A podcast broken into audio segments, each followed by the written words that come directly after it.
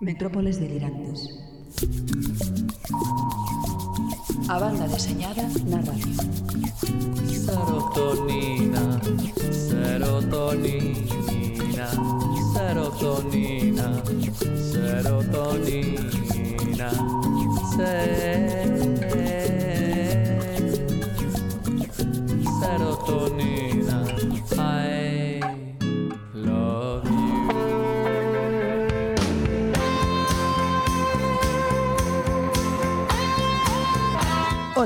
Son Nieve Rodríguez. Aquí comeza a 45ª emisión das Metrópoles Delirantes. Retomamos as emisións e encertamos este ano 2016 que agardamos comezar a ben para todos. Comenzamos, como é habitual, coas novas da BD. O señor Bea nota nos imprescindibles Persépole, o libro de Marian Satrapi que nos abriu os ollos a unha BD, a do mundo árabe que medra cada ano e que ten magníficas obras. No tempo da entrevista falamos con Jorge Monlongo, un galego emigrado en Madrid que veu para nos falar do seu libro No me pegues que llevo gafas, un retrato ben retranqueiro do hipsterismo e a modernidade máis recalcitrante. E como xa he mandado no final desta viaxe pola BD, chegarán as novidades que trae Javi, o metabarón dos libros dende a libraría Agatatola en Compostela. O noso técnico Peter Parker xa ten o aparello listo. Partimos xa. Like this.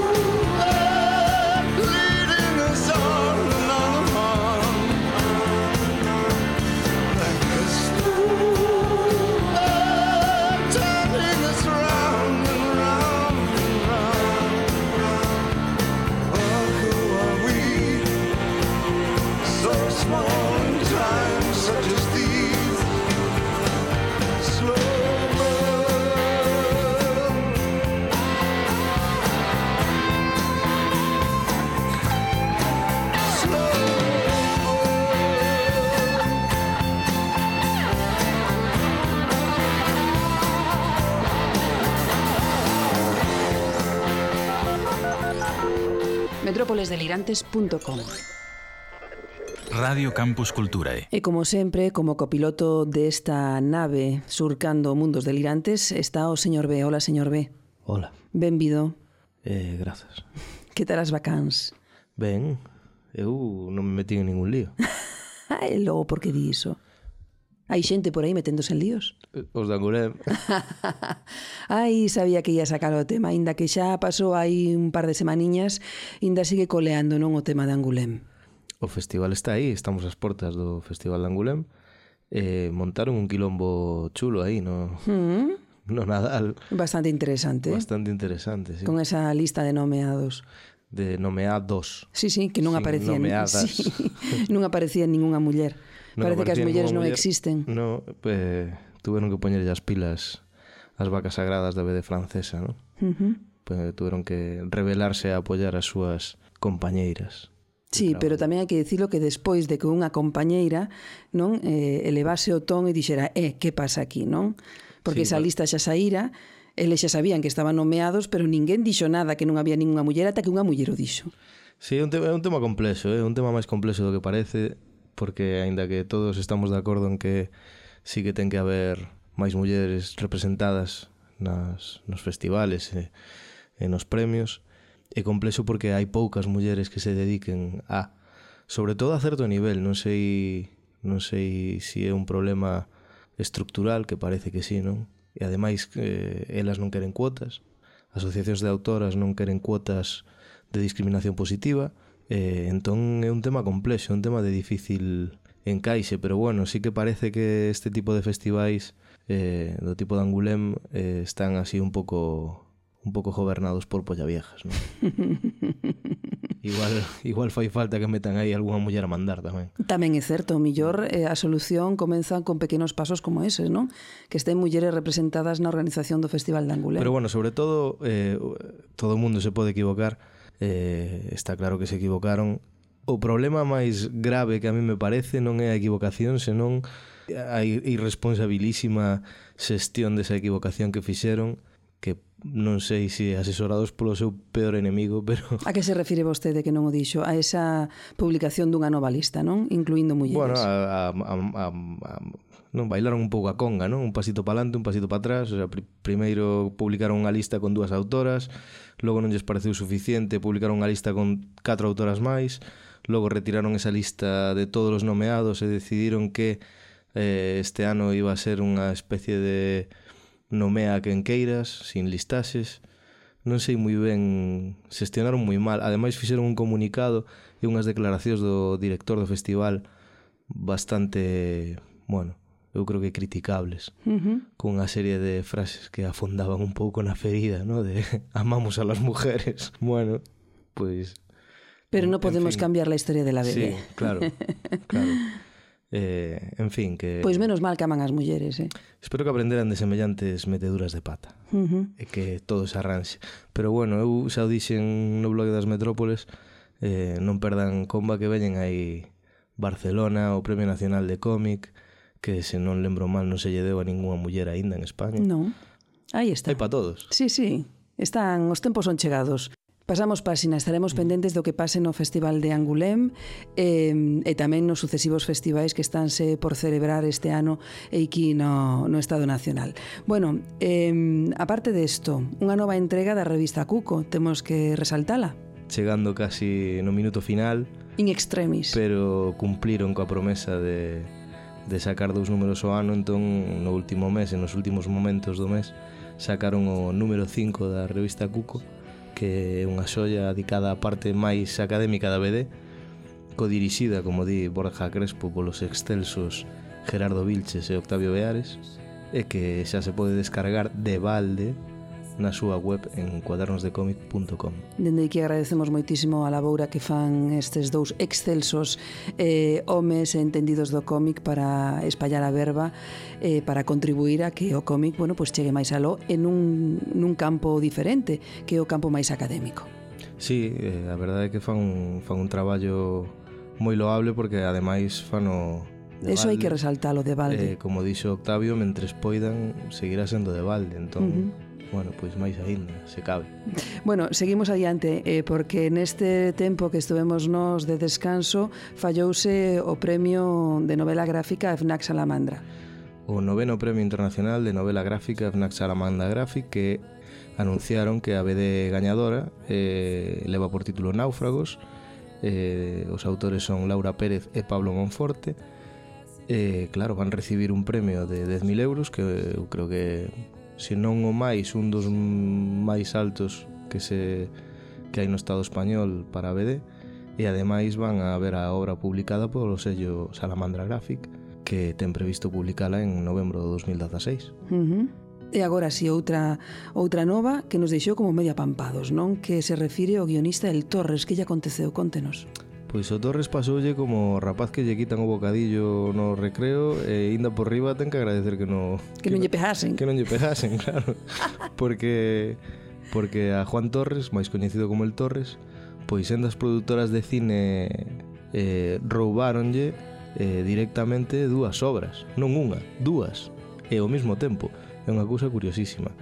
Eh, primeiro copiaronlle El bosque de los suicidas, que na película foi retitulada como El bosque de los suicidios, unha película de produción británica de terror sobrenatural protagonizada por Natalie Dormer, e tamén lle roubaron El velo, titulada en inglés The Veil, que, que vai ser outra película de terror que, que, que comparte título con este libro que xa publicara El Torres, mismo argumento, prácticamente o mesmo título, incluso a mesma estética. A verdade é que É unha noticia moi curiosa porque, claro, eh, como di el Torres, a ver quen ten cartos para denunciar a esta xente, claro, que hai que ir a denuncialos a Estados Unidos ou a, ou a Gran Bretaña e sí, el, sí. el xa dixo que non tiña, non tiña cartos, cartos para pagar estos abogados e, bueno, parece que é un abuso Pois sí, non? Eso indica o nivel de desprotección dos autores fronte a empresas gigantescas como estas, non? Bueno, xa para rematar, teño que preguntarlle, despois de tanto tempo eh, inactivo nas metrópoles e descansando e lendo, que sabemos que a súa, a súa, o seu pasatempo favorito é ler, leu vostede o corto maltés? Sí. Bueno. sí, Lin, Non o puedo creer. Sí, Lin. Contenos, estamos aí desexando saber que lle pareceu. Que quere que lle conte? Que me Bona pareceu? verdade, claro. Pois pareceume que ten un debuxo moi bo porque basicamente eh, o debuxo casi de Hugo Pratt, pouca diferencia hai, é que o guión para o meu gusto deixa moito que desear, a mí non me gustou. Non lle gustou? Non. Pero iso non ven eh, condicionado pola súa querencia e súa devoción por Hugo Pratt e pola súa obra? Mm, pode ser. Porque sempre vostede, pode... vostede sempre dixo que Hugo Pratt era un gran narrador, non lle chega? Sí, sí, no, evidentemente pode ser que haxa aí unha imposibilidade, non sei, de algún tipo. Hugo Pratt era un grandísimo narrador, eh, demóstrase porque Díaz Canales tamén é un bon narrador, e a min pareceme que non está a altura. Pero isto é unha opinión totalmente subxetiva. A mí non me gustou. Non digo que este mal, nin digo que a min non me gustou, que daba a impresión de que Canales intentou imitar ese estilo de narrativo de Hugo Pratt, eh, claro, é moi difícil. O final, eu penso, e isto tamén é unha opinión moi subjetiva, que todos estes eh, autores que reciben o encargo de continuar unha obra, como lle pasa aos de Asterix, como lle pasa a Canales neste caso, e salvo honrosas excepcións, todos cometen o mesmo error que é intentar imitar o, o estilo dos anteriores autores, non? No, no caso das tris de Goscini, eh, neste dúo Prat, cousa que é imposible. É prácticamente imposible imitar o estilo narrativo de un guionista sin que se note ese artificio, non sei, a min non me dixo nada o cómic, non me, non me parece unha historia memorable, non, non sei, non, non, non me gustou, non me, non me dixo nada. De feito, costoume acabalo, costoume bastante acabalo, de feito. Bueno, Pois despois do desenlace desta pregunta que deste xa... Culebrón. si deste culebrón que xa pensaba que ia extenderse sine die, pois eh, largamos amarras, como decíamos, e comenzamos xa. Tsunami! O sábado 23 de xaneiro, na Xentalla do Pichel, xornada de ondas libres e comunitarias. Que onda? A partir das 4 da tarde, obradoiros de... Streaming. Iniciación á mesa de son. O teatro radiofónico. Audacity. Guión radiofónico e técnicas vocais. Todo de balde. E pracear petiscos veganos. Súbete a onda! Ten conta, atrás dunha onda ven outra onda. Sí, pero a unha media marchamos, que temos que marchar.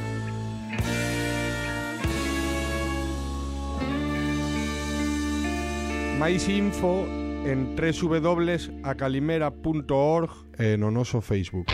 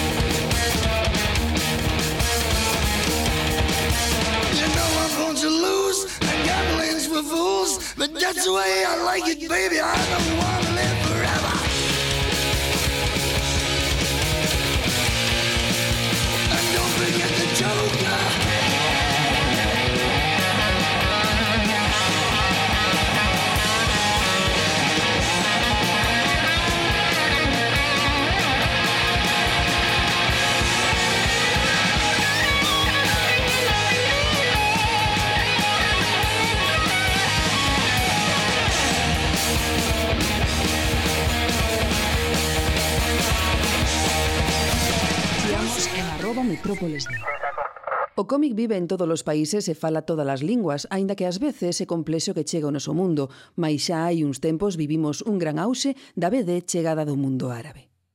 Unha nova fornada de autores e, sobre todo, autoras veñen reclamando o seu espazo, pero o xérmolo foi no ano 2000, cando unha muller de orixe iraní contou as etapas máis importantes da súa vida dende a nenez en Teherán durante a Revolución Islámica ata a súa chegada a Europa na vida adulta. O señor B fai imprescindible o Persépole de Marian Satrapi, que foi quen coa súa primeira novela gráfica de facer que os occidentais miráramos con ollos curiosos para o cómic árabe. A obra compónse de catro libros, recompilados nun integral. Cada un trata un período da vida da autora e do seu propio país, Irán, dende o triunfo da revolución e a caída do Xá ata o xiro islamista e a guerra contra Irak os estudos en Viena e o contacto con Occidente e a volta a Irán. Satrapi comeza contándonos a súa infancia, no ano 79, nos albores da Revolución iraní. Cunha constante mestura de sátira e crítica, a autora debulla como viviu a transformación de Irán polo réxime dos ayatolas. Lembra, a través de anécdotas, como por exemplo, cando de nena ten que comezar a levar o pano na cabeza, a muda ideolóxica e como o pobo pasa de ser de maioría laica a ser obrigado a se converter ao Islam. Satrapi vai medrando e albiscando como é o entorno de opresivo. Censura e represión diaria, ata que chega o ano 1984, momento no que os pais deciden enviala a estudar a Viena. En Viena pasa 4 anos, en plena adolescencia, alonxada da familia e nunha época de descubrimentos mais sabendo que o seu sitio non está ali, decide volver a Irán.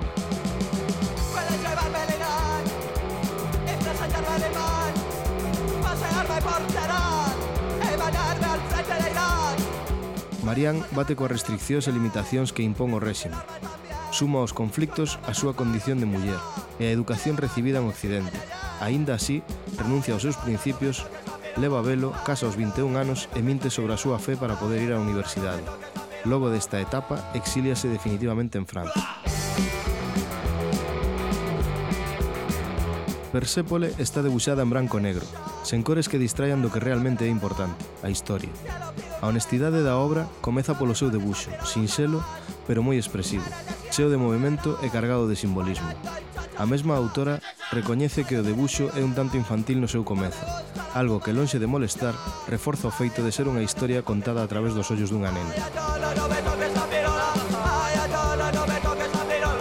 obra foi merecedora de importantes premios, entre eles o Premio Harvey a mellor obra estranxeira no ano 2004 ou os dous acadados en Angulem, a autora revelación e a mellor guión.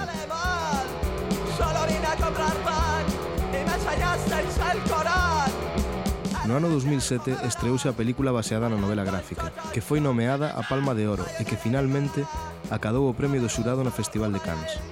Ademais, estivo nomeada aos Oscar como mellor película animada no ano 2008. Motivos hai máis que de abondo para facerlle un oco na nosa vedeteca.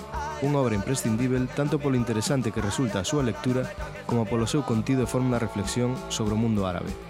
A máis, tamén está editada en galego.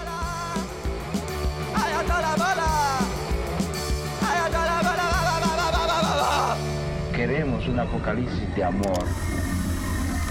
metrópoles delirantes. Hoxe temos nas metrópoles neste primeiro programa despois das vacacións do Nadal a Jorge Monlongo, ilustrador de publicacións entre outras como El País, Rolling Stone, moi interesante, debuxante tamén de Distrito Harrigan para a revista El Manglar, e para o mercado USA tamén traballa as adaptacións ao cómic de Hello Kitty, Vaca e Pollo, un Mr. Peabody and Sherman, e por si isto non fora da bondo, tamén é autor dun dos cómics que máis deu en falar nos derradeiros meses do pasado ano e que xa recomendou con profusión o noso libreiro de cabeceira, un dos nosos libreiros de cabeceira, Xaime, da librería cómic, nun dos anteriores programas. Non me pegues que llevo gafas. Jorge, benvido ás metrópoles. Pois, pues, moitas gracias por traerme.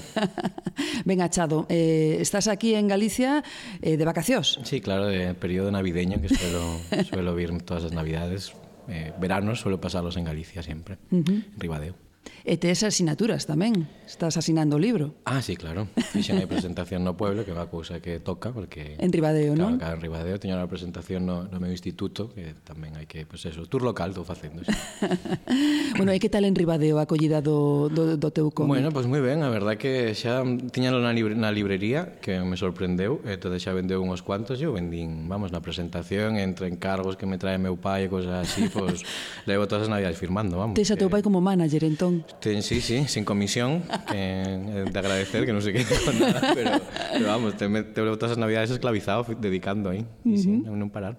Oye, mm, falando de libreiros, de librerías de cómic e todo isto, escoitei ou lín algún sitio, non sei, que a primeira vez que entraches nunha librería de cómic tiñas 17 anos.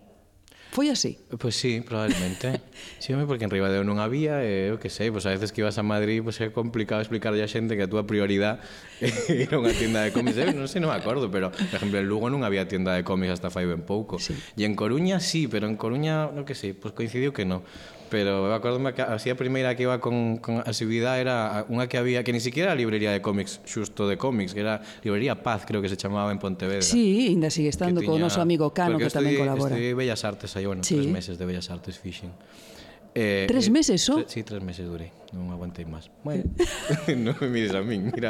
No, no, a pero era un pouco así, digo, sí, bueno, no, pero o outro día falábamolo e é certo que entrevistamos a moitos autores de cómic neste programa, eh, todos eles ou fixeron a carreira de Belas Artes ou non a remataran, pero ninguén quedou contento desa carreira. Normal. Normal. Normal.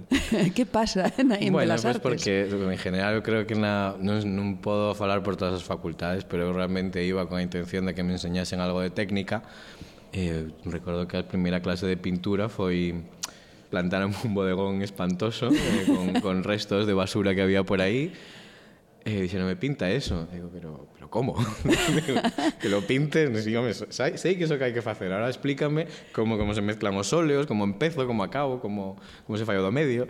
Eh, despois de tres meses vin que eso non iba por, por aí, eh, bueno, pues, Pontevedra tampouco axudou, decir, non, non estaba moi contento en Pontevedra, non me, Que uh -huh. ir de Ribadeo para Pontevedra tiña máis ganas de urbe. Sí, non? De, sí. dunha cidade máis sí. máis grande. Uh -huh. Entón eres autodidacta nesto da, da ilustración, bueno, do cómic, da pintura. Sí, sí. Despois metime nunha escola de ilustración en Madrid, mentras eu estudiei, en Madrid estudiei audiovisual. Entón, despois, a vez que facía a carreira, metime nunha escueliña de ilustración, que tam, algo aprendín, pero, pero realmente, pues, a verdade que todo lo aprendes con, E como xorde, e como xorde o do mercado norteamericano?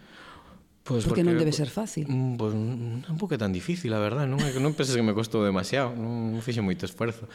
E pues, quedéme sin traballo en España cando empezou isto a poñerse así máis máis mustio e busqueime un agente Encontrei un agente relativamente fácil e, e os 15 días pues, tiña un contrato con Biz e eu estaba, anda, bueno, que, que fácil isto xa está, ahora que tardamos empecé pues, con Hello Kitty, no, empecé con Mameshiba que eran uns uh -huh. personajes japoneses así un pouco extraños que eran unhas habichuelas Sí, eran, sí, sí, son ben graciosos sí. sí era moi, era, además o guion era moi bueno era dun, dun inglés moi gracioso uh -huh. e quedou bastante ben ese cómic ¿no? creo que vendeu pouco injustamente porque quedei bastante contento con o dibujo e o guión era moi gracioso. A verdade que uh -huh. sacoulle moita moito Moita gracia. Moita chicha bichines, eso, sí. non? Bueno, pois eh, o que decíamos, Hello Kitty, Vaca, Pollo, eh, Vaca e Pollo, Mr. Pivodia en Sherman, hoxe estamos espesos, eh, comenzando o ano. E logo xa este cómic, A finais do pasado ano saía, como dicíamos, non me pegues, que llevo gafas, e aínda que, como estamos lembrando, levas moitos anos de profesión, esta é a túa primeira obra completa e longa, non é así? As cousas teñen o seu momento? Pois pues a verdade é que me costou bastante conseguir conseguir un hueco para poder escribir, porque realmente el, cuando fas algo para ti mismo, digamos que o nivel de acabado es moito máis exigente. Cando teño unha fecha de entrega, pois procuro acabar hombre, en tempo, eh, con un nivel que quede contento o editor, o público e eu. Pero Pero decir, aí o que sale perdendo son eu, é dicir, normalmente non me suelen gustar demasiado os cómics que fago por encargo este, como, pues bueno, tampouco se forra un facendo cómics, o que buscar un pouco de autosatisfacción personal, entón, pues, a idea era de facer algo que, como que, que encontrar outra vez o meu estilo propio, porque despois de Hello Kitty e cosas así, obviamente, perdeslo, uh -huh. e entonces, pues, facer un... quedarme a gusto con o dibujo e con, e con o guión. E a verdad que me costou unha barbaridade quedarme a gusto con o dibujo. Sí. Foi, sí non, non, eh, non o conseguín. Pero ahora que lo vexo, bueno, a portada sí que me gusta. A portada foi o último que fixen e estas páginas que hai de, mm, por o medio que hai sí. unha especie de perfiles de sí, personajes sí. e eso, e eso sí que me quedei contento. Pero eran xa os últimos. Con as últimas 10 páginas estou moi a gusto. Sí, ¿no? as outras, que, as outras 70, bueno. Eh, bueno, e todo ese traballo tamén inclúe o da editorial quedache contento con ela, con sí, Caramba. Sí, a verdade é que con Caramba mm, estupendo todo, porque de, de feito son os culpables de que isto sea o que é, porque a miña intención era facer facer un, unha, unha, un Jaimito, sabes, tiña a colección Jaimito que eran uns cómics de grapa de 24 páginas, e iba a facer un levaba texto que igual para 24 se me quedaba corto, iba a propoñerlle a Bartual facer un de, de 32, Pero, pero díxome que, que os gaimitos que non iban ben, que, que lo estaban pensando en retirar e que porque non ampliaba as páginas e facía un con lomo e digo, bueno, pues ampliamos, ampliamos entonces empezamos a virnos arriba e digo, podrías facer como 40 e pico? Sí, sí, de 60? sí, bueno, de 80? Venga, venga, venga, subimos que anda máis? E ao final, pues, non sei cuántas son, pero 80 e pico, ¿no? Sí, son, son por aí, sí, hmm. sí mm. Bueno, tampouco sei exactamente porque non ponemos sí, números 80 son... algo son Sí, sí Eh, bueno, pero o xermen desto eh, está nunhas tiras que debuxabas para para Blog de cómics, no? De Eduardo Mena. Como sí. foi eh, nunha época no que eu mm, escoitete decir que a palabra hipster que non era moi No, non era, non que non estaba asimilada aínda, non? non? No, dicir, escribías e debuxabas sobre modernos, pero a xente sí. non entendía moito, non? Hombre, modernos sabía, decir, sí. Eh, e os personajes que salían eran modernos que toda a xente entendía. O que pasa é que quizás a palabra Tamén igual ese blog chegaba a xente que non estaba familiarizado con ese mundo, entonces igual lle despistou a palabra hipster. Pero, é dicir, creo que estas tiras son como de 2011 ou unha cousa así, que tampouco fai tanto tempo. En general, era unha palabra que, que, que non era que non estaba en boca de todos. Uh -huh. De feito, eu quería facer un, un jaimito con caramba, porque tiñan pouca distribución, entonces eran libros sencillos que, uh -huh. que, que se distribuían en Madrid, en, en Barcelona, en Valencia, que eran os sitios nos que se iba a entender, porque realmente en Burgos non sabían o que era un hipster, es decir, non o sabían. Eh, e parece ser que, bueno, pues xogou o tempo ao meu favor e isto tuvo unha máis repercusión. Pois pues sí. empezou eso, en forma de en forma de tira cómicas que que trataba máis que sobre sobre hipsters, trataba sobre pues cultureteo. Era uh -huh. moitos chistes sobre que si novela gráfica, sobre que non sei que era, sobre pois pues, temas que podían estar en boga de pero de cousas así, de, uh -huh. máis de gafapastas que de hipsters, sí, era, sí, era a idea, por eso non me pegues que llevo gafas. Pois, e logo desembocou nisto, non? A obra é unha sátira moi ácida cos, cos hipsters. Resultouche difícil ou soamente hai que observar? nada máis. Hombre, eso é, é estar inmerso. Entonces, apuntar. Simple, nin apuntar, solamente facer memoria de que fixen estos días nestas dúas últimas semanas que, que pasou na miña vida. Ale, ah, fun esta exposición estúpida de non sei que, Pois pues vas apuntando cousiñas, acordándote de caras, de, de outfits e dibujarlo. Na verdad que foi bastante fácil. Pero bueno, falo tamén dende, dende o respeto, porque mm, os protagonistas pretase, prestanse moito a mofa fácil, non? Eh, son tan modernos neste libro que lle deron a volta a modernidade, non? Unha cousa...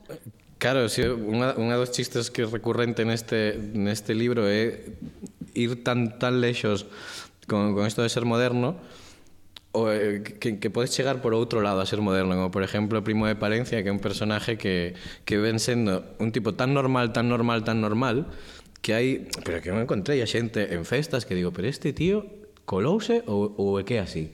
¿esto intencionado, este, este look? Ya había, pues sí, efectivamente, era intencionado, pero hay un momento en que ser demasiado normal, ser demasiado moderno, tócanse. Sí, sí, Entonces, sí, pues, Primo de Palencia es un tipo que de tan normal é exótico. Sí, eh, eh, que triunfa claro, no cómic, o triunfo da, da normalidade, claro, non? Claro. Tiño aquí apuntado, dice, bueno, porque este personaxe... Sí, é que... unha das claves. Sí, sí, porque aparte ni sequera ten nome, non? É unha cousa, este é mi primo de Palencia. Sí, primo de Palencia. Que, que non tiene ni nombre, non? E ao final respetos. triunfa aí, non? Como DJ e, eh, e eh, a xente como sí, que o, adora, non? Por ser tan normal, non? Hmm, Estaba pensado ao principio como un, unha especie de Sancho Panza, que era, que era, era un personaje eh, sensato, que entonces él chegaba de Palencia, que leva un anín na, na ciudad moderna, entonces estaba observando todo e dice, joder, que barbaridade isto, isto que coño é. Pero, pero ocurríseme que era moito máis gracioso que collese o primeiro tren a modernidade que, que, que pasa, digo, venga, que sí, que son DJ, ala, vamos a deixarnos de tonterías, que levamos sendo ingeniero informático demasiado tempo e esta vida é moi gris. Sí, ¿no? Entonces, pues acaba aí. Y... É a miña oportunidade de facer sí, amigos, sí, sí, como sí, decía sí. a súa prima, ¿no? Claro, claro. Así entonces, que... pues, yo, yo cinco minutos eh, que na, apare eh, pasa eso, yo os cinco minutos xa directamente que lo cree todo, ¿eh? como parte, es decir, Sí, presenta a sí, sí mismo sí. como no, son DJ. É fantástico, a verdade é que o personaxe está Sí, está favorito, clavado. sin duda, vamos. Sí, sí. E bueno, despois están os outros dos personaxes que son eh, Niña Hipster e Gay en Shorts, que a min parece fantástico ese nome Gay en Shorts. Sí, era eso, eso, eso surgiu un día en, en Malasaña, que, que iba paseando por aí, en Malasaña, é decir, levo 20 anos en Madrid, entonces pues fai 20 anos eu salía por Malasaña, era un, un barrio un barrio rockero, de punk rock, que sucio. Entonces salíamos por ahí o sea, a sitios sucios, cochambrosos, y de repente vemos cómo se iba transformando. Digo, pero esto, esto, yo, eh, fue un justo una tarde de mayo que había moitos gays en shorts. Iban todos con, con chihuahuas, como... Digo, pero que coño pasou aquí? Entonces ocurrióseme que o personaje máis representativo do barrio en ese momento era pues gay en shorts, eh, claro. sin máis. Uh -huh. E bueno, e lo de niña hipster... Pues eso, eh, eh máis sencillo. Eh, sí, ¿no? Todavía. No, tengo outra historia. Que A ver. O personaje cuando, eh, empezou como, como niña, que era, era en realidad unha nena, era, era pues unha pícara de dezanos, anos que marcabas tendencias con un capricho. Era como, ahora que se eleva esto. Entonces todo el mundo. Pero qué repugnante, ¿no? Sí, era espantosa. Entonces, fíjense que creces un poco de, de, aspecto, pero no de mentalidad. Ven ser como, mmm, esto, ahora esto, eh, gústame, ahora no. Esto era como unha fascistiña. Sí, de, sí, sí. sí, da, sí. Da, bueno, pues casi mellor que a fixeras crecer un pouco, polo menos en, en sí. presencia, porque así pequena e. Sí, era, era moi grimosa. Era como, sí, ¿no? Yo como de din todo o tempo. Hai algunhas por aí, eh? Sí, por eso. Sí, sí sí, por sí, eso aquí. Oh, que horror, que horror.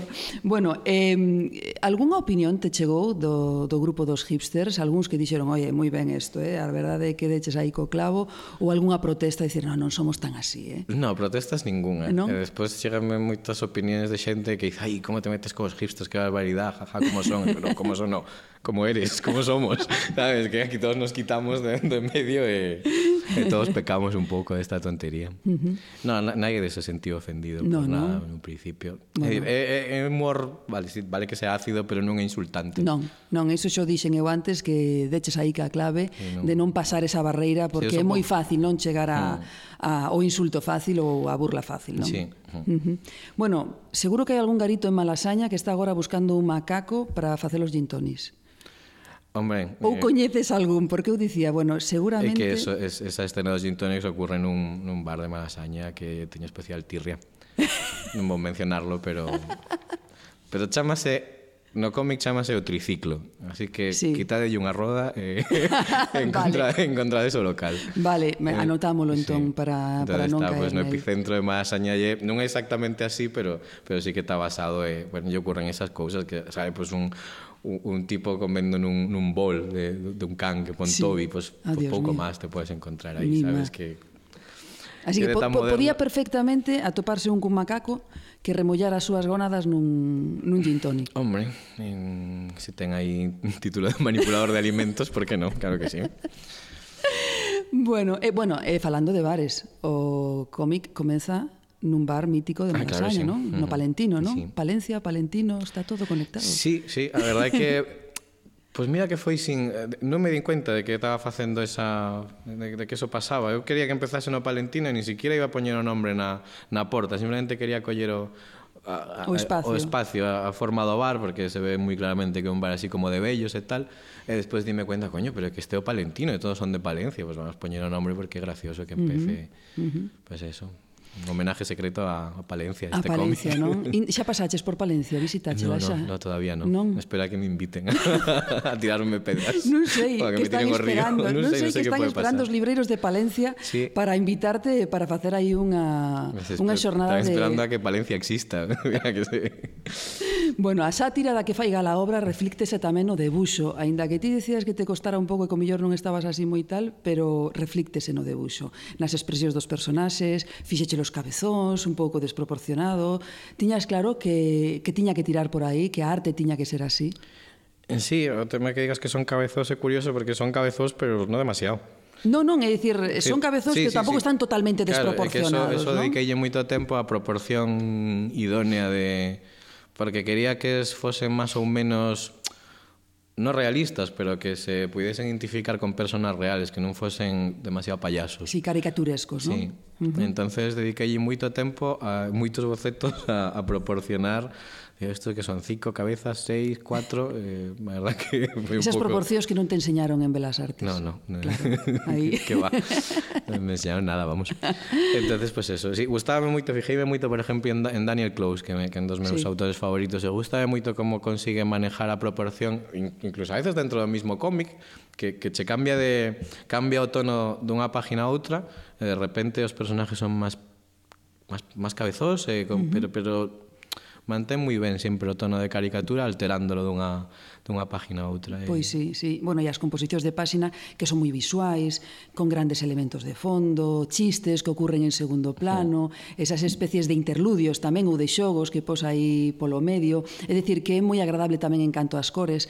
Aí fixéchelo para nós, pros lectores, eh? porque é unha gozada ler o libro. Eh, sí, eso é, eso era... A idea era que, que cando se abrise uh -huh mm, permitise a contemplación, porque eu son moi enemigo dos cómics que están demasiado abigarrados, que son todo moito texto, tropecientas viñetas por página. Entonces aquí decidimos, xa que xa que queríamos facer máis páginas, digo, pues vamos a vamos a facer máis páginas, pero pero non rellenándolas de aire, sino Claro, claro. facendo cousas interesantes, e que cuando se abra parezca que algo máis que un cómic, entonces pues ves que hai mm, un test, un un, un ficha, elige a túa propia aventura, que tens que fabricar un Sí. gin tonic, que tomarlo si consigues. E, pues hai fichas, entonces pues eso, que fose agradable a, a, a contemplación na, na librería de cómics, que cando la abras, pois pues, digas, ai, a ver que máis hai por aquí, que non sempre lo abras necesariamente nunha página de cómics, sino que vexes unha uh -huh. ilustración ou... Non, non, está moi limpo, é dicir sí. que aínda que hai personaxes, esas páxinas en grande que, mm. que hai elementos e tal, pero que é todo como... Sí, clarín. Como moi moi clariño, non? Sí. É dicir, moitas gracias en eso, porque pues a veces claro. votamos en falta tamén. Eu creo que é esencial para que se poida ler, os... sobre todo, a moitas personas que non están acostumbrados a ler cómics, a primeira pega que lle ponen e que, e que lles resultan cargantes. Sí. Porque hai demasiado texto, demasiado todo moi pequenín. É dicir, eu estou de acordo con eles, e mira que levo lendo cómics pues desde fai moitos anos, pero aínda así pareceme... Eu sempre admirei moito en España a Miguel Ángel Martín, porque era a claridad absoluta. Era limpio, con unos negros perfectamente colocados para que se entenda todo mellor e con moi pouco texto por viñeta, que uns cómics maravillosos. Sí, señor. Pois sempre o teño moi en mente ese, Sí, sí, esa sí. claridade de página. Pois aí conseguíchelo tamén moi ben. Bueno, e agora mesmo que estás facendo, aparte de estar de vacacións? Tes algún proxecto xa nas mans? Bueno, pois teño libros de ilustración, vou ilustrar, porque tamén fago moita ilustración, sí. que non comentaxe aí, pero vamos, fago algo que non ten nada que ver con o cómic, fago pois ilustración moi pictórica de Pois, tamén para Estados Unidos, teño teño algún proxecto de Pois, vou escribir e ilustrar un libro que se publicará algún día con que, que, que é moi pronto para falar do, do proxecto porque teño falado con, con unha editorial e tal, pero estamos todavía en, en procesos. Despois, bueno, teño, teño varios... Teño publicado xa un sobre Halloween, de Trick or Treat, que lo publicou Albert Whitman. Con estos vou facer outro pronto, estou facendo tamén a colección con as portadas.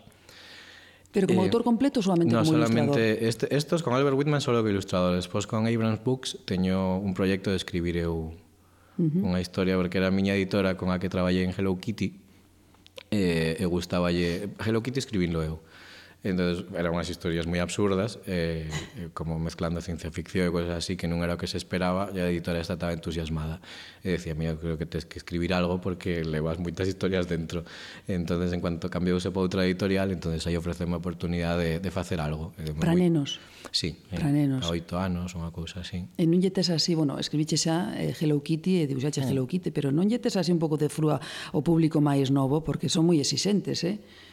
Eu realmente escribo para min. É dicir, creo que, por exemplo, Hora de Aventuras é unha serie na que non se fija no público infantil nin en tres minutos. Fanlo pa eles e coincide que ten unha mentalidade infantil encaixa perfectamente con o público infantil. Entón, realmente, eu teño as historias que, sí, son pa nenos, pois baixo determinados contenidos que non son necesariamente pues que, que, que, que, non son apropiados non porque sea sexo ou algo así, sino porque que non entran no, no, no día a día de da mentalidade infantil, a veces que sobran.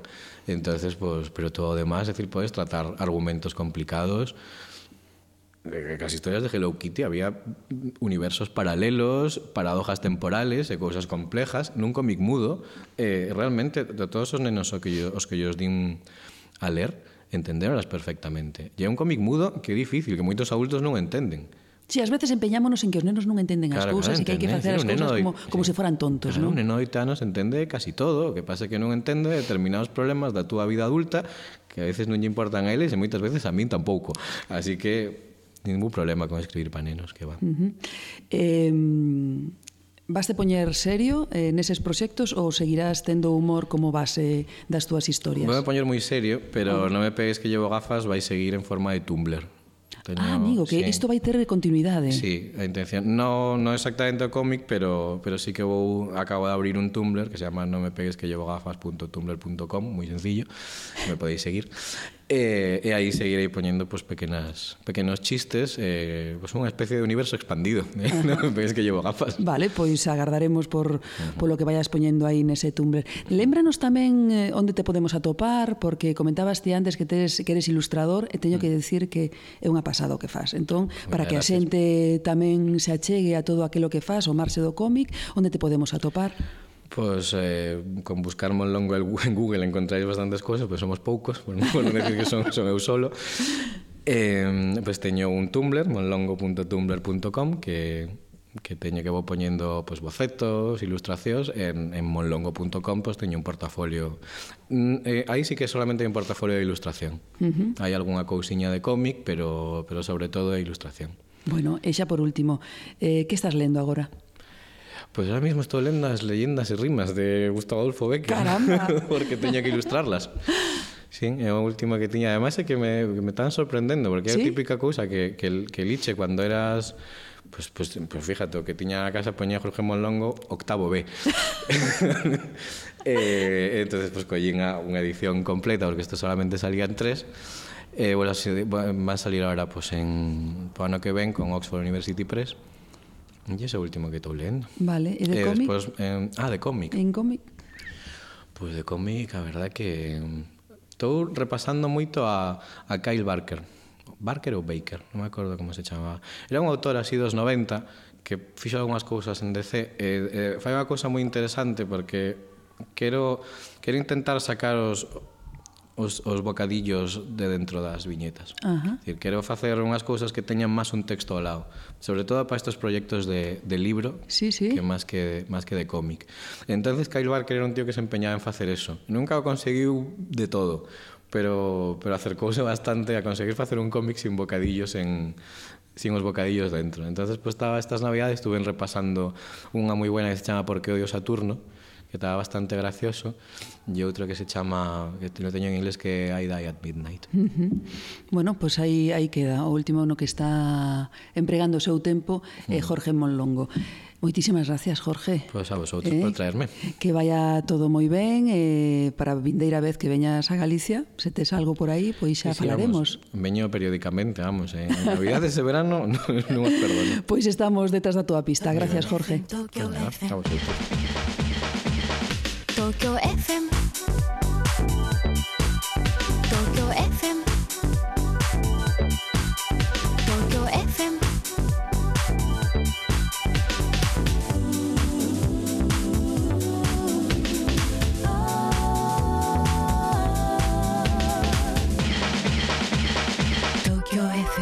FM FM E chegamos a Porto, máis antes de desembarcar, Javi da librería Gatatola de Compostela vai nos comentar as novidades deste primeiro mes do ano. Ola, Javi. Ola. Ola, que tal? Xa hai moito tempo que non viñas polas metrópoles, que non andabas de viaxe espacial. Sí, sí que, sí que hace. Feliz año e eso.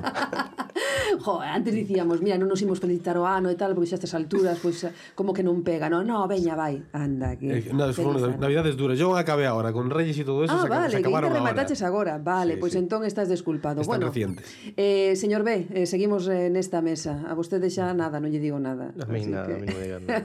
A mí ninguén me di nada. Bueno, eh, que nos trae neses petiños da BD? Ver, traje cuatro cosillas aquí. Hablamos de estas así un poco por parejillas, ¿vale? Veña. Traje aquí el, el Nemo Ríos de Fantasmas de Alan Moore, que es el, la última entrega de, de la Liga de los Hombres Extraordinarios, ¿vale? vale Esto supongo que ya lo conocéis un poco, ¿no? Home, sí, así de... Por lo menos de nombre, sí, claro que sí. Aquí se va un poco ya de hasta ahora, ¿no? Toda la liga es como recuperar todos estos personajes de la literatura pulp y, y darles esa seriedad que le da Alan Moore, ¿no? Dotarlos de trasfondo. Y aquí, pues un poco ya se pasa también a las películas, empezamos a ver personajes de, bueno, nazis malvados, esto es genial, ¿no? Más cosas que no voy a adelantar. Y un poco se mete él, yo creo, en, en toda esta... A formar parte de esto, ¿no? Porque ya aquí continúa con la, se- con la estirpe de, ¿no? Aquí la protagonista ya es la hija de Nemo, que ya es una anciana, ya le conocemos, ya le conocemos la vida. Y bueno, genial, como siempre. Yo, yo soy un fan de él, claro. Y bueno, a mí todas estas partes, esta, este tipo de literatura que hacer un poco más entretenida, quizás dejando un poco de lado ya las flipadas formales, ir solo al entretenimiento, a mí me, me gusta mucho. Ujú. Aparte, ver estas cosas, es difícil ahora ver eh, toda esta literatura antigua, estas pelis un poco viejas ya con seriedad, ¿no? Te lo tomas un poco a cachondeo. Pero bueno, él aquí con la actualización que hace, yo creo que, como sabes que en cualquier momento puede morir alguien o realmente las motivaciones de los personajes son un poco más profundas de lo que solían ser, ¿no? En, estas, en ese tipo de producción literaria o, o de películas, pues bueno, le da un punto que a mí me gusta mucho, me hace disfrutarlo un poquito más. Bueno, pois esta primeira recomendación moi disfrutable, está editado por Planeta, Planeta Comic. Planeta Comic por sí. Planeta Comic, non? E eh, o prezo que sabes eh, por Yo onde vai? que lo llevo fatal sempre, sí, ¿no? apuntarlo, verdad? sí, perdón. Bueno, pero nada, é, nada. pequeniño, costa pouco. Esto sí, sí, Planeta, Cal, calquer cousa que non edite CC costa pouco. Bueno, non me diga eso, señor B.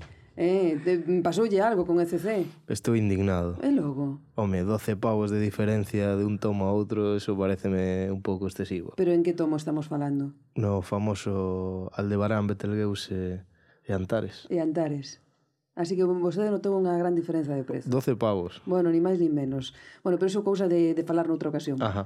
Planeta es muy grande también. Yo creo que los precios que los precios que tenía Planeta Agostini no son no eran normales. O sea, comparando nuestras ediciones con las americanas, siendo las nuestras de más calidad, el papel mejor, los encuadernados mejores, eran a veces a mitad de precio. Quiero decir, yo creo que estábamos muy mal acostumbrados a Planeta Agostini. No estoy diciendo que CC sea súper barato y económico. Estoy diciendo que... 32 eurazos. Ya, sí, es verdad. Mucho dinero. bueno, e despois desta, deste tomo da Liga dos Homes Extraordinarios que... Traje un manga que yo Ah, creo manga. que, que además tiene, tiene un punto en común con la liga, ¿no? Porque aquí el, el hombre este, bueno, esto empezó como un, el One Punch Man este, que edita Ibrea, eh, empezó como un webcómic y luego pues lo han adaptado con un dibujante ya, bueno, más solvente a, a papel, ¿no? Y... Y es un poquito esto, pero un poco la liga, pero yo creo que más coñero, ¿no? No, no, no recupera personajes clásicos, pero sí ese asunto del... Bueno, el protagonista de cómic manga que se va a pelear el shonen típico, ¿no? Solo que aquí lo que desarrolla el autor es... Yo creo que viendo un poco que las peleas estas interminables de Son Goku o de Naruto que te aburren un poco, pues él lo soluciona con que este tío se ha hecho tan poderoso que de una hostia arregla todo. El puñetazo que mete, monstruo que se va a tomar por saco. Entonces ya, claro, en las primeras historias podemos ver desfile de monstruos variados. ¿Qué le pasa al personaje? Que se siente vacío, que no tiene un, no, una pelea que lo, que lo llene, es puñetazo y se acabó. Entonces, bueno, está el hombre un poco amargado y aquí vemos cómo conoce a, a su sidekick, ¿no? Alguien que le entra ahí a, "Oh, enséñame a ser como tú y tal. Pero bueno, esto es, es, claro, mucho... El tono es distinto, ¿no? Aquí es mucho más para pasar el rato, para reírse. Sin embargo, yo creo que esto le intenta imprimirle seriedad a unas cosas que no, que no la tenía. Justo al revés, ¿no? Ajá. Esto te planteaba unas cosas a lo mejor para verlas de una manera un poquito seria que era difícil y este ya dice, venga, hombre, esto es para reírse. Vamos ¿no? al despiporre. Y se ríe un poco de eso. Y aparte, bueno, cualquiera que, haya, que esté un poco enterado, esto está esperándose como agua de mayo. Bueno, pues ahí está One Punch Man de eh, One Yusuke Murata. Yusuke Murata es el dibujante, ah, el dibujante, y el One este es el que hacía el webcomic. Ah, amigo, vale, vale. Editado por Ibrea. Sí. Bueno, pues aí está. Os amantes do manga teñen aquí unha opción máis nas estanterías das librerías, sobre todo da librería Agatacola. Que máis temos por aí? Ah, Fulgencio. Ahora vamos ás cousas sí, serias. Sí, sí señor, as cousas, cousas serias. serias. Xa facía tempo que non falábamos de Fulgencio da, de algunha das súas novidades. Bueno, non no, no sacan tampouco mucho, ¿no? Ahora no. sacado tamén está ahora nos ha llegado a todos el, la edición esta recopilatoria de los dos tomos de, bueno, no sé, el el búho y la bruja, no sé Ah, cómo sí, le de llamas ahora. Sí, no sé cómo se llama el título, porque aparte no se lo pone, tiene esas ediciones tan, no pone el título, no pone nada, pero bueno, muy bonito. Han sacado eso. Y a mí el Pip Show, ahora mismo en su catálogo, eh, me parece lo más interesante. El Pep Show de Joe Matt, pues recoge el, el principio de esta revista que él, que él empezó a editar. Habíamos La cúpula había sacado, pues, hablábamos antes, ¿no? El pobre cabrón, el consumido.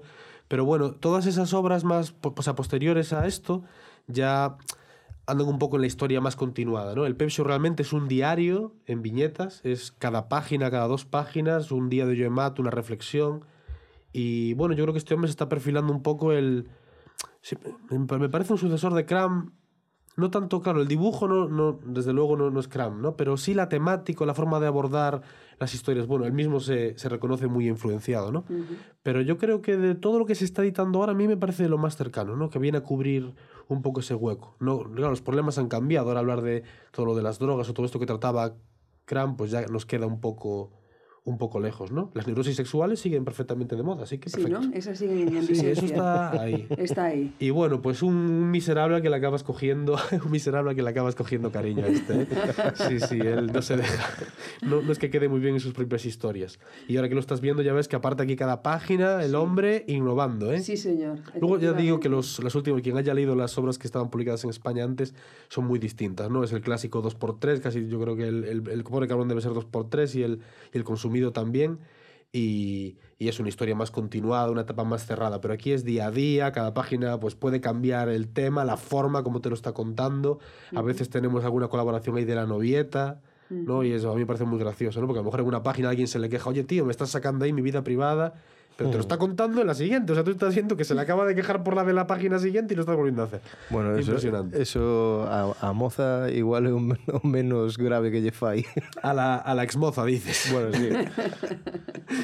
Bueno, Sí, e sí, temos el- que falar de novo da edición de, de Fulgencio Pimentel, non? Porque isto é Es unha locura. calidade, unha loucura. Sí, Es sí. súper bonita, es muy bonita. Efectivamente, en branco e negro. Muy bonita. Eh, a, as páxinas en con fondo negro, está moi ben, moi No, ben, es moi ben. eh, imitando la edición original. ¿eh? Bueno, en una revista supongo que estaría peor editada, pero sí que es en el blanco sobre negro. Yo creo que es preciosa. La edición es una pasada. É moi, moi, moi, moi, moi bonita. Bueno, pues aquí temos este Pip Show de Joe Matt, editado por Fulgencio Pimentel. Bueno, pois seguimos adiante e imos agora con algo, cun clásico, o clásico dos clásicos, aquí venerado polo señor Beque, o Blueberry. Sí, el Blueberry de, de Charlie Eriguiro de Moebius, ¿no? Bueno, yo creo que una biblioteca, ¿no? Una, una comicoteca que tengas tiene que tener el Blueberry. Y hablábamos antes que esta edición de la, la que ha sacado Norma ahora es la mejor edición que se ha sacado, ¿no? En España una edición como esta. Comparando, eh, más allá de ya del valor que pueda tener, ¿no? Realmente yo creo que Moebius la fama se lo ha dado Blueberry. Es verdad que ahora eh, el nivel artístico está por otras obras, ¿no? Pero la pasta sigue viniendo de Blueberry y yo creo que es un cómic muy disfrutable por cualquiera. Y aparte de eso, comparando las dos ediciones que os contaba, pues eh, eh, es increíble la diferencia del color original que tenemos aquí a lo que se había editado en, en la edición de tomos de Norma. ¿no? Supongo que hubo ahí una época que parecía que había que colorearlo todo digital, que así parecía más modernillo y era mejor. Pero bueno, yo creo que eso se nos ha acabado un poco. Es los armarios. Cuando tenías en el pueblo el armario grande y venía, mira este armario chapa, qué bonito. Dame ese armario de Carballo que me lo llevo yo. Pues es un poco eso, ¿no? Realmente así es como tiene que estar bien. Hay curiosidades, Tenemos en alguna historia cuando en, la, en pilote quedaba por la última página, pues era un monocromo rojo, pues si tienes la página tal cual. Y, y viñetas que habían sido fusiladas de sombras borradas, nubes borradas, el color, el- el- los ejércitos, ¿no? Como el color de los trajes aquí es lo que tiene que ser y en la otra edición era algo brillante que no, vamos, que no pegaba ni con cola. Pero bueno, hasta que comparas una edición con la otra, Pues supongo no que sabes no. tampoco, bueno, claro. sí, yo no, vamos, te, te llama la atención siempre. El color digital yo creo que a todos nos, ¿no? Las páginas atinadas y esto te acaba dañando la retina un poco. Pero isto chega un pouco tarde, non, Javi? Porque os que temos xa o Blueberry na nosa casa, na nosa estantería, completadiño, toda a colección e tal, por mm, voltar a, a investir cartos, eso é moito carto, non? Mira, yo Eso- cuando viene un eso como se cliente, chama de precio? 30 pavos se llama. 30 pavos, non? É o primeiro integral. Mira, yo siempre digo que hay que ser fuerte, ¿no? Y cuando tienes una cosa, aunque la nueva edición sea, Javi, sé sea mejor, ¿no? Te aguantas y, bueno, la que tienes ya está bien. Yo lo tengo todo repetido. Yo lo tengo todo cuatro o cinco veces. Yo cada vez que le ponen tapa dura o le meten algo, yo me lo compro. Pero bueno, eso ya cada uno. Yo creo que esta edición es estupenda. Es la mejor edición que hay. Y Blueberry tampoco es cualquier cosa. Hai certas No, cousiñas yo que... creo Bueno, que- e, ademais eh, probablemente un deses clásicos que hai moita xente que sí que o temos, pero hai moita xente que non ten e que o vai descubrir con estas Ujú. reedicións. Mucha gente, ¿eh? Y yo creo que yo no notaba de eso. No, no teníamos ninguna edición siquiera en orden. O sea, la edición de Norma estaba desordenada, empezaba en medio de la colección y era poder por primera vez tener Blueberry ordenado, con el color original, una edición relativamente barata, tres álbumes 30 euros, tal como están las cosas, yo Eu creo que es non, barato. non sei se non haberá un revival dos indios y vaqueros, ¿no? El vaquero anda ahí, ¿no? Han sacado el Manos Kelly ahora, el McCoy, están apareciendo integrales Están- gordos. Claro, claro. Creo que es el momento un poco de los tomos gordos recopilatorios de clasicazos, ¿eh? Tarantino saca o Hateful Eight. La eh, nostalgia eh, pega. Sí, sí, sí, eu creo que sí. Aí está, aí sí, está. Sí. Eu solamente digo unha cousa, estaba pensando agora. Aquí o señor B ten toda a colección de, de Blueberry. Eh, se sacan isto, seguramente que o vai a comprar. Eu non imagino o día que o sacan en galego. Entón, vai ter que volver a investir, non? Outra vez, en, en Blueberry. El gastado estaría. Verdade que sí. sí oh. Botas en falta, non estas cousas así traducidas ao galego mellor? Siempre todo lo que pudiera haber en gallego estaría. O que, estaría o que pasa é que Ya cada vez que empieza algo, no estamos con el. Bueno, se empezó ya las es que es muy difícil, supongo que el mercado es el que hay. Sí, Claro. sí. Igual lo que hace falta es un poco de ayuda, ¿no? Tamén, tamén é certo. Igual la gente que se, que está eh, preocupando de hacer eso, igual también era bueno meter algo de pasta en eso. Pois a ver, a ver, a ver estes tempos que nos, nos chegan, a ver se eh, chegan con outros aires. eu eh, vexo complicado. Bueno, eso tamén sería eh, tema para unha mesa de debate ben longa e ben... Bueno, o debate, ben o, remata, o debate remata pronto. Por que? Porque se non hai lectores, Bueno, ti pensas que non hai lectores, ves, aí xa estamos, xa estamos engadindo e enganchando unha cousa con outra. Bueno, deixámolo aí, aí está ese Blueberry, esta edición maravillosa que nos saca Norma Editorial cun prezo de 30, 30 euros neste primeiro integral que inclúen tres álbumes. Tres álbumes. É así, non? É así. Bueno, moitísimas grazas. É un vosotros. placer volver eh, terte aquí nas metrópoles delirantes. Eh, vémonos para outra. Venga, gracias. Veña, grazas, xa saben. A librería Gata Tola en Santiago de Compostela. Me echaron droga. Delirante. E en el colacao. Rematamos esta primeira emisión do ano 1 despois de Lemmy e Bowie, na que o señor B fixo imprescindible o Persépole de Satrapi, un libro duro e maravilloso dunha autora que tanto fai BD como a cinema e cunha visión moi particular do seu mundo. Fixemos gintonis con gónadas de macaco e chachimelos con Jorge Monlongo, o autor do excelente No me pegues que llevo gafas, un libro que dende a sátira e o humor retrata os tempos que vivimos de posmodernidade.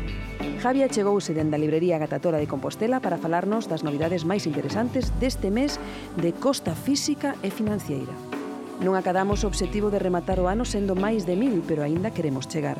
Seguídenos no Twitter en arroba metrópolesd, faládenos e espallade a verba da BD con nós. Tamén seguimos a falar de BD en metrópolesdelirantes.com. E lembrade, lede banda deseñada que é máis instruído que o Candy Crush e levade a rastas limpas que o de non roubar só é opcional. Metrópoles delirantes, a banda deseñada na radio. 515 I'm changing trains This little town. Let me down. This foreign rain Brings me down. 515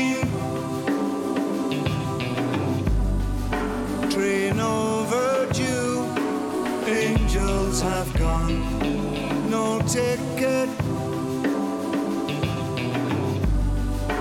I'm jumping tracks.